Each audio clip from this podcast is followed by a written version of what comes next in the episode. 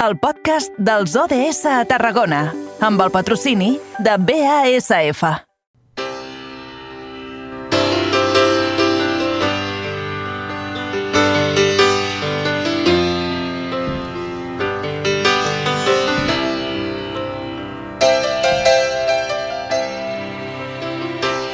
Ara sí, doncs, com dèiem, arriba el moment dels ODS, Objectius de Desenvolupament Sostenible marcats per l'ONU i que ens porta cada dia l'Aleix Pérez des de la nova ràdio de Reus. Aleix, bona tarda. Molt bona tarda, Eduard. Avui parlem de projectes claus pel territori. Efectivament, doncs, com ja se sap, ja saben, a la secció dels ODS doncs, intentem donar una mica de veu i espai a totes aquestes iniciatives que realment creiem que porten un valor afegit al nostre territori. En aquest cas podríem dir que és, realment salven vides i és que el projecte Home doncs, s'ha doncs, dedicat durant dècades al tractament i reinserció també a la societat de persones amb addicció a les drogues o altres aspectes com per exemple la ludopatia. Tot això del que estem parlant forma part de l'ODS número 3, dedicat a la salut i al benestar, i també, com veureu al llarg de l'entrevista, també toca molt el número 17, que busca aquesta, teixir aquestes aliances per aconseguir uns objectius comuns. Per parlar del projecte Home tenim a la Maria San Pedro, membre de la iniciativa d'aquí a Tarragona. Molt bona tarda. Hola, bona tarda. He fet una descripció acurada, no sé si ve del que significa el projecte o tens algun però a, a posar. No, la veritat és que eh, eh, s'ajusta molt bastant a, a lo, que, lo que fem, no? O sigui, nosaltres vam néixer el 95 precisament per això, per, per poder arribar a persones que, que d'altres vies eh, doncs no, no podien arribar a, a algun, algun tractament amb, per problemàtiques d'addicció perquè esteu repartits per tota Catalunya, si no m'equivoco, un total de set delegacions pel tot el territori. És important i especialment necessari no? que aquest servei que feu estigui a prop de la gent que ho necessita. Sí, així és, i també per això, per, per aquesta necessitat i aquesta idea d'apropar-nos cada vegada més i ampliar territori, doncs des del 2013, ara farà eh, 10 anys estem a Tarragona, al, al novembre farà, farem 10 anys i 2015 vam, vam baixar una miqueta més eh, cap a Terres de l'Ebre i també doncs, els, els recursos i els serveis que tenim a Trem i Balaguer. No?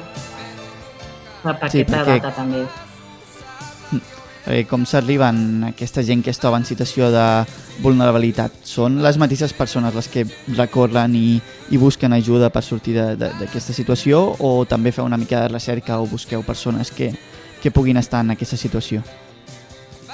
Bé, et trobes eh, de tot, no? És a dir, eh, hi ha persones que venen pel seu propi peu, que demanen ajuda perquè ja doncs, s'han doncs, trobat en una situació que, que és necessari demanar ajuda professional. Uh, també hi ha persones que venen doncs, eh, derivades d'altres recursos, per això nosaltres també fem una, un treball eh, de coordinació i treball amb xarxa bastant, eh, doncs creiem que és, és molt important el nostre treball amb xarxa per poder establir això precisament, no? Establir aquesta xarxa que, que permeti treballar de manera conjunta per les persones que, que ho necessiten, eh, doncs de, no només en l'àmbit de les addiccions, sinó eh, amb, amb, tots els, el, amb tots els àmbits. També ens arriba per la família. Moltes vegades la persona no és qui demana ajuda, sinó és la pròpia família la que està identificant que hi ha algun tipus de problemàtica o està visquent alguna situació que, que s'està desbordant a casa i són, són el primer pas, no? la, la primera la demanda d'ajuda ve, ve per aquesta part. Sí, perquè en aquest cas això que comentaves de les famílies també eh, té un impacte en, la, en les seves vides de manera també eh, directa. També no sé com, com intenteu doncs, donar un cop de mà o ajudar o gestionar doncs, situacions realment doncs, delicades.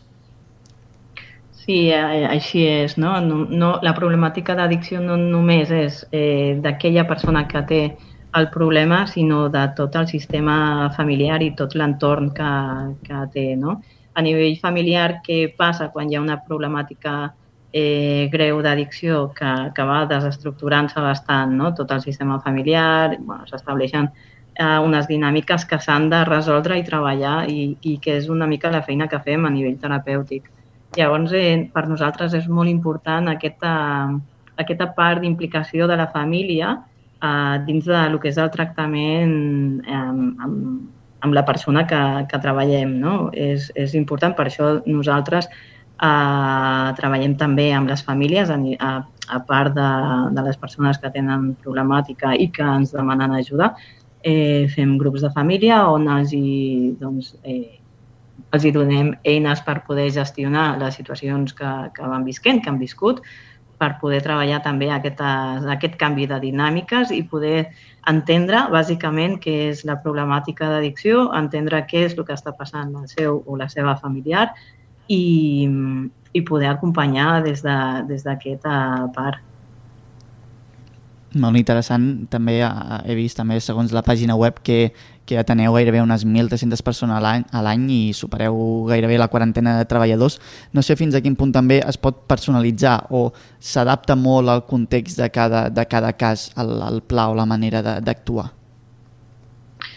Nosaltres sempre, eh, tot i que una de les eines amb la que treballem és el grup, és el grup de, de teràpia, sempre fem un treball més individualitzat. No? La persona que, que arriba i que comença tractament amb nosaltres eh, és, és, a, a part, és, és la persona qui, qui realment eh, és activa amb el seu propi tractament. No? Llavors, és qui va marcant-se els seus objectius en qualsevol àrea de, i aspecte de la seva vida eh, i llavors a partir d'aquí sí que doncs, ho treballem en, en moltes ocasions a nivell grupal, però fem un seguiment individualitzat de la persona i del tractament d'aquella persona amb molta cura perquè durant tot el procés eh, es van afegint i, i es van modificant totes les, els objectius i les accions que, que, que aniran envers a cada objectiu.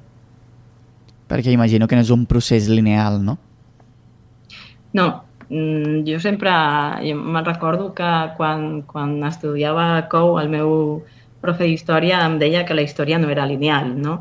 I que hi havia, eh, doncs, hi havia retrocessos i que tornar cap, a, cap endavant una altra vegada. I, i d'una manera molt, molt similar, és, és un paral·lelisme amb, amb el que és el procés terapèutic. No, no és, algun, no és eh, un procés lineal, sinó que hi ha eh, moments amb els que no, i no vol dir que, que hi hagin consums o no, sinó que doncs, la persona amb un procés de creixement i de coneixement personal, independentment de, de que sigui per una problemàtica d'addicció o perquè sigui per, per propi interès de, de fer un procés de, de coneixement i creixement personal, hi ha moments de tot on és necessari parar, resituar-se, mirar, mirar què és el que eh, es vol eh, canviar i, i identificar també no? que, que són, quines són les coses que, que fan mal i que, i que poden eh, aprendre a gestionar-se. Llavors, eh, nosaltres eh, sempre, sempre els diem, no? tant a les persones que, eh, que estan en tractament com amb les famílies que no esperin que sigui un, un procés de, de tot eh, amb, una línia, de, sense, sense alts i baixos, perquè quan tractem de les emocions mm, és que hi ha alts i baixos, no? Llavors, eh, és, és, és molt important el fet de que puguin saber i que puguin ser conscients d'aquesta part.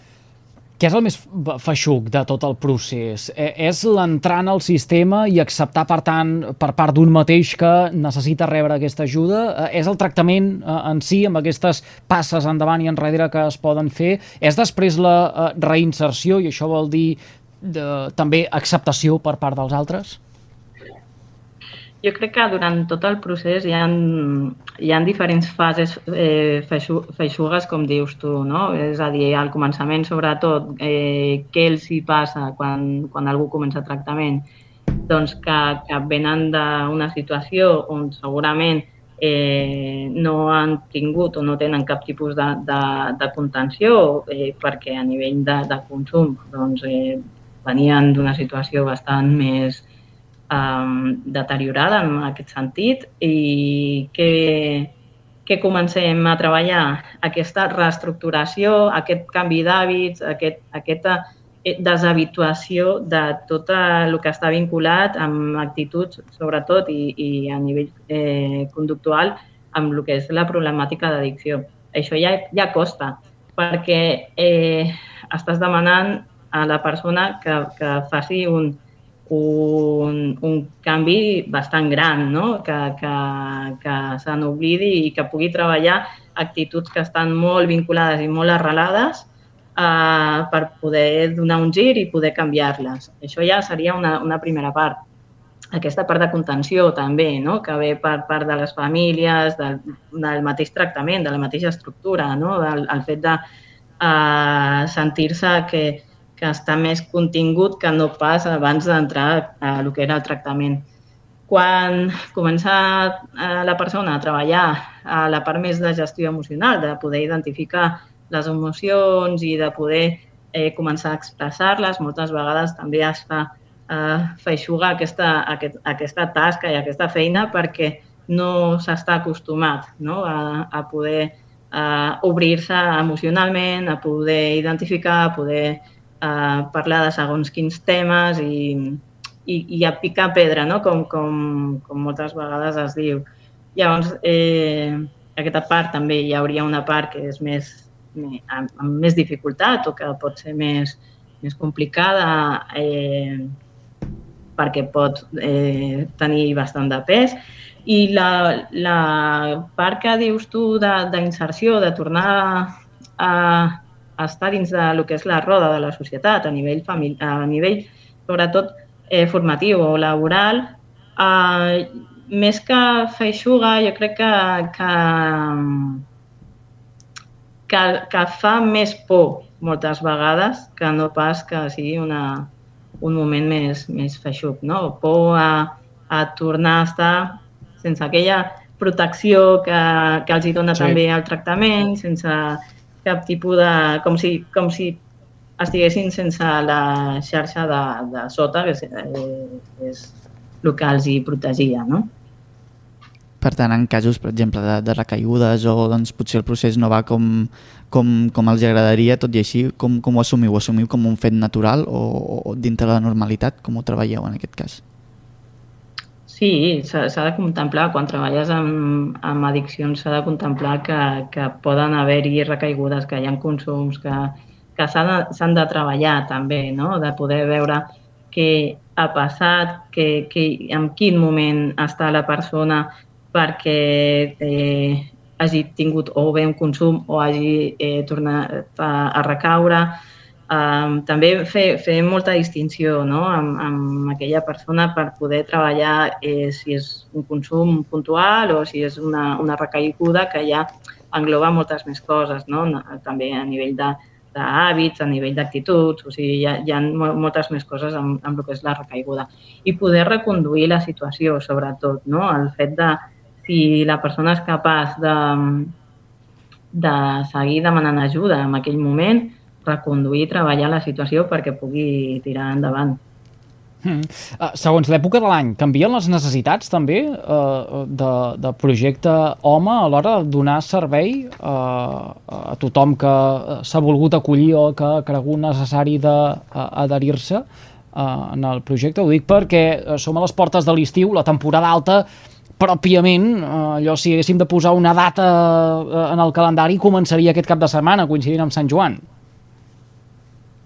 Nosaltres, amb les persones que estan a tractament, treballem molt eh, segons quines dates, no? perquè puguin eh, encarar aquestes dates i afrontar les, les dates així més, més concretes, on, on està molt vinculat al consum o està molt vinculada a la festa, eh, que les puguin encarar d'una altra manera, totalment diferent, no? que, que puguin eh, trobar un altre tipus d'oci, que, que puguin eh, doncs, eh, buscar activitats que, sobretot, molt, molt, molt relacionades també amb la família, que, que facin més, més activitat amb la família o que facin més, eh, mm -hmm. doncs, eh, que, que la família estigui implicada també en aquest tipus de, de, de dies tan senyalats amb els que doncs, potser amb alguna persona sí que li pot remoure no? el fet de, de Sant Joan, tot el que s'ha viscut fins ara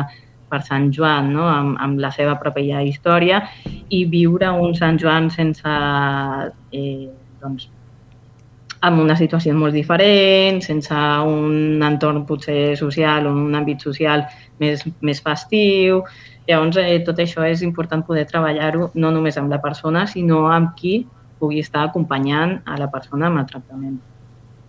Des de Projecte Home fan molt bona feina i de fet no és la primera ni serà l'última vegada que parlarem amb els seus responsables al nostre territori. Li haré moltíssim a la Maria San Pedro que una vegada més eh, hagi acceptat la invitació del programa. Un plaer com sempre. Moltes gràcies a vosaltres.